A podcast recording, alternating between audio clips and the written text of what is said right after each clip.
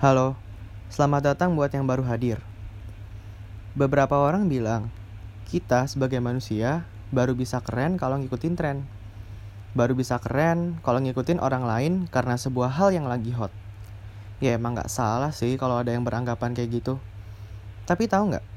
Kalau sebenarnya tanpa kita harus ngikutin orang lain, kita bisa keren.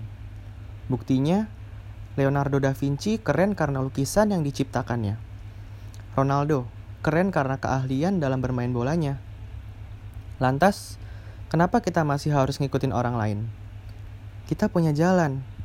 Orang lain juga punya jalan. Langkah yang kita tempuh juga berbeda. Jadi buat lu yang suka ngerasa rendah diri, insecure, coba deh lu bayangin.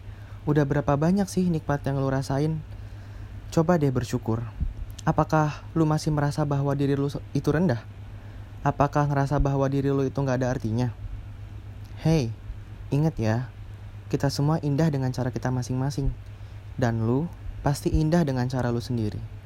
Teruslah berjuang, walau mungkin orang menganggap remeh, karena lu gak sejalan dengan mereka. Ingat ya, yang bakal sukses itu lu. Gak perlu lihat mereka. Jadi lakuin apa yang emang lu suka. Selagi itu positif, teruskan. Stay strong ya. Dan makasih udah dengerin podcast ini.